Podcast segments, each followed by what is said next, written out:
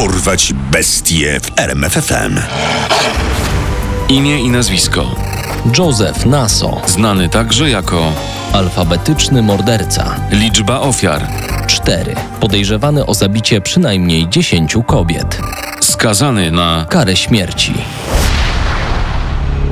W sprawie alfabetycznego mordercy więcej jest znaków zapytania niż odpowiedzi. To dość tajemnicza i wciąż nie do końca rozwiązana historia, która zaczyna się w okolicach Rochester w stanie Nowy Jork. To tu po raz pierwszy zdarzają się te zastanawiające morderstwa. Wszystkie ofiary, oprócz tego, że były młodymi dziewczynkami, około 10-11-letnimi, mają jeszcze jedną wspólną cechę. To był przedziwny schemat. Ich imiona i nazwiska zaczynały się na te same litery. Na dodatek zwłoki odnajdywały się zawsze w miejscowości również na tę literę. 16 listopada 1971 roku z domu znika Carmen Colon. Zwłoki dziesięciolatki zostają znalezione dwa dni później w pobliżu Churchville. Na ciele widać ślady gwałtu, po którym dziewczynka została uduszona. Po tej szokującej śmierci okolice Rochester na chwilę się uspokajają. Ale spokój jest tylko złudzeniem. 2 kwietnia 1973 roku znika kolejna dziewczynka. 11-letnia Wanda Walkowicz.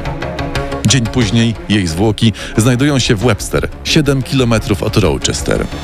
Mija kilka miesięcy od śmierci Wandy, gdy znika kolejna jedenastolatka, Michelle Mensa. Schemat powtarza się po raz kolejny. Zwłoki zgwałconej i uduszonej Michelle znajdują się w Macedon. Zaginięcie Michelle jest prawdopodobnie ostatnią zbrodnią alfabetycznego mordercy w okolicach Rochester. Przesłuchaliśmy setki ludzi. Mieliśmy kilku podejrzanych, ale co z tego?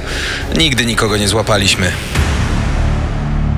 Jeden z nich popełnił samobójstwo 6 tygodni po ostatnim morderstwie, a badania DNA pobranego z jego szczątków w 2007 wykluczyły go z kręgu podejrzanych. Innym był stryj pierwszej ofiary Carmen Colon. Śledztwo w jego sprawie zostało umorzone w 1991 roku, tuż po tym, jak popełnił samobójstwo.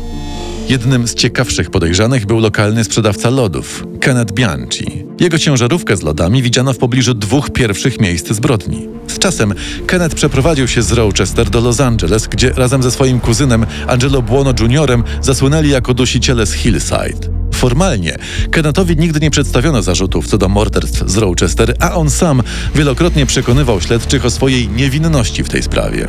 Ile razy mam wam powtarzać? Akurat z tymi morderstwami nie miałem nic wspólnego. Komu by się chciało sprawdzać, czy literki się zgadzają? Wydawało się, że sprawa utknęła w martwym punkcie, gdy niespodziewanie po drugiej stronie kraju, w Kalifornii, wykryto podobną serię morderstw. 10 stycznia 1977 roku policja w Fairfax dostała anonimowy telefon. Halo policja, proszę przyjechać na pustynię. Znalazłem ciało pod krzakiem. Chociaż tym razem ofiarą nie była mała dziewczynka, to w morderstwach było widać ewidentne podobieństwa. Zamordowana osiemnastolatka nazywała się Roxanne Rogasz. Jej stopy były związane. Na sobie miała wyłącznie parę rajstop. Druga para rajstop, owinięta wokół szyi, była prawdopodobnym narzędziem zbrodni. Rok później, kilka mil od miejsca, gdzie znaleziono Roxanne, odkryto kolejne nagie ciało. Ofiarą była 22-latka nazywająca się dokładnie tak samo jak pierwsza ofiara morderstw z Rochester, Carmen Colon. Zbieg okoliczności czy chory żart alfabetycznego mordercy? Po znalezieniu zwłok Carmen, trop znowu się urywa. Kalifornijska policja, podobnie jak koledzy z Rochester, ma podejrzanych, ale śledztwo prowadzi donikąd.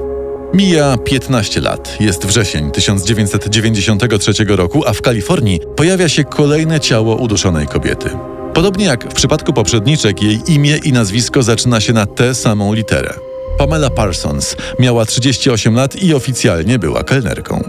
Rok później w jednym z przydrożnych rowów policja znajduje kolejną ofiarę. Tym razem to 31-letnia Tracy Tafoya. Podobnie jak poprzedniczki, Tracy została zgwałcona i uduszona. Według policji wszystkie kalifornijskie ofiary w rzeczywistości były prostytutkami. Niestety, po raz kolejny sprawa nie porusza się do przodu. Brakuje dowodów, a żaden z podejrzanych nie pasuje idealnie do schematu. Przełom w śledztwie następuje dopiero w roku 2011. Wtedy to za drobne przestępstwo, kradzież damskiej bielizny, zostaje aresztowany Joseph Nazo. To nie pierwsza kradzież Josepha. Miał już wyrok w zawieszeniu za podobne wykroczenia. Policja przeszukuje jego dom i odkrywa szokujące materiały. Wśród nich 40 tysięcy nagich zdjęć. Kobiety na fotografiach wyglądają na nieprzytomne lub odurzone. Często są związane. No, no, Joe, widzę, że niezły z ciebie świntuch. Lubisz zabawiać się z nieprzytomnymi kobietami? Wiesz, że są na to paragrafy? To sztuka, nie zrozumiesz tego prostaku. Jednak zdjęcia nie są najciekawszym ze znalezisk policjantów. W domu Josepha Nazo śledczy znajdują także dziennik, w którym ze szczegółami opisane są historie gwałtów i przemocy seksualnej wobec kobiet. Znajdują także listę dziesięciu kobiet. Obok ich imion i nazwisk zapisane są również nazwy miejscowości.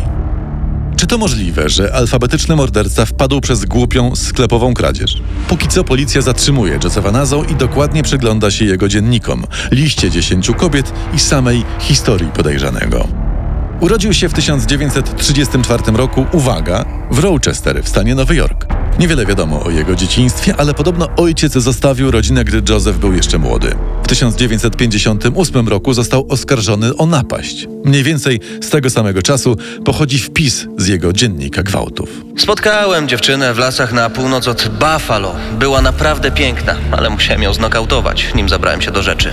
W 1962 roku ożenił się i doczekał dwójki dzieci. Jedno z nich miało dość poważne problemy ze zdrowiem.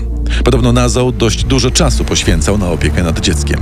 Fakt ten jest dość nietypowy jak na seryjnego mordercę. Na początku lat 80. jego małżeństwo rozpadło się. Była żona twierdziła później: Dwukrotnie mnie czymś nafaszerował. Byłam półprzytomna, a potem do domu przychodzili jacyś obcy mężczyźni. Pozwalał im mnie gwałcić, a sam się przyglądał. Poza tym wiem też, że miał romans. Chyba najważniejszym dowodem przeciwko Josephowi Nazo stają się rajstopy, którymi uduszona została pierwsza kalifornijska ofiara. W badaniach laboratoryjnych znaleziono próbki DNA zarówno Josepha, jak i byłej pani Nazo. Prawdopodobnie to do niej należały te rajstopy. Dowód ten pozwolił prokurator Rosemary Sloat postawić Nazo przed sądem. No to co panowie? Chyba mamy naszego alfabetycznego zabójcę. Już na początku procesu Joseph Nazo podejmuje bardzo dziwną decyzję. Prosi sędziego o możliwość zrezygnowania z adwokata i reprezentowanie samego siebie. Sędzia stanowczo odradza podejrzanemu ten pomysł, dając mu nawet 5 dni na zastanowienie się. Jednak 79-letni wówczas mężczyzna zostaje przy swoim i postanawia bronić się sam. Jak łatwo się domyślić, co rusz potyka się, mamrocze, często gada bez ładu i składu, albo ni z tego zaczyna się przechwalać przed przysięgłymi. Myślę, że całkiem nieźle mi idzie. Nie sądzą państwo? Jako jeden z koronnych dowodów swojej niewinności przedstawia inne, grzeczniejsze zdjęcia nagich kobiet, które wykonał. A jego główną linią obrony jest miłość do ofowej sztuki. Brian Kennel, obserwujący proces Josepha Nazo prawnik, tak skomentował jego sądowe decyzje. Był bystry, ale nie aż tak bystry. Były prokurator Steven Clark był mniej łaskawy dla intelektu Josepha Nazo.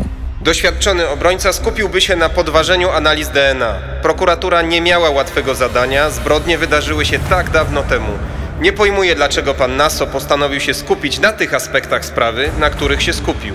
22 listopada Nazo usłyszał wyrok. Sąd wymierzył mu najwyższy wymiar kary śmierć. W odpowiedzi Nazo wykonuje tylko jeden gest. Pokazuje środkowy palec sędziemu, a potem całej sali sądowej. Mimo poszlakowych powiązań nigdy nie udało się połączyć Josepha Nazo z pierwszymi zbrodniami alfabetycznego zabójcy. Dopiero kalifornijskie morderstwa wskazują na niego. Niewyjaśniony pozostaje też powód, dla którego morderca wybierał kobiety, których imiona i nazwiska zaczynały się od tych samych liter. Mimo wyroku Nazo prawdopodobnie nieprędko, jeśli w ogóle zostanie stracony. Od 2006 roku wykonywanie kary śmierci w Kalifornii zostało wstrzymane z przyczyn formalnych. Na egzekucję czekają setki skazanych na śmierć więźniów. Poznaj sekrety największych zbrodniarzy świata. Dorwać bestie w RMFFM.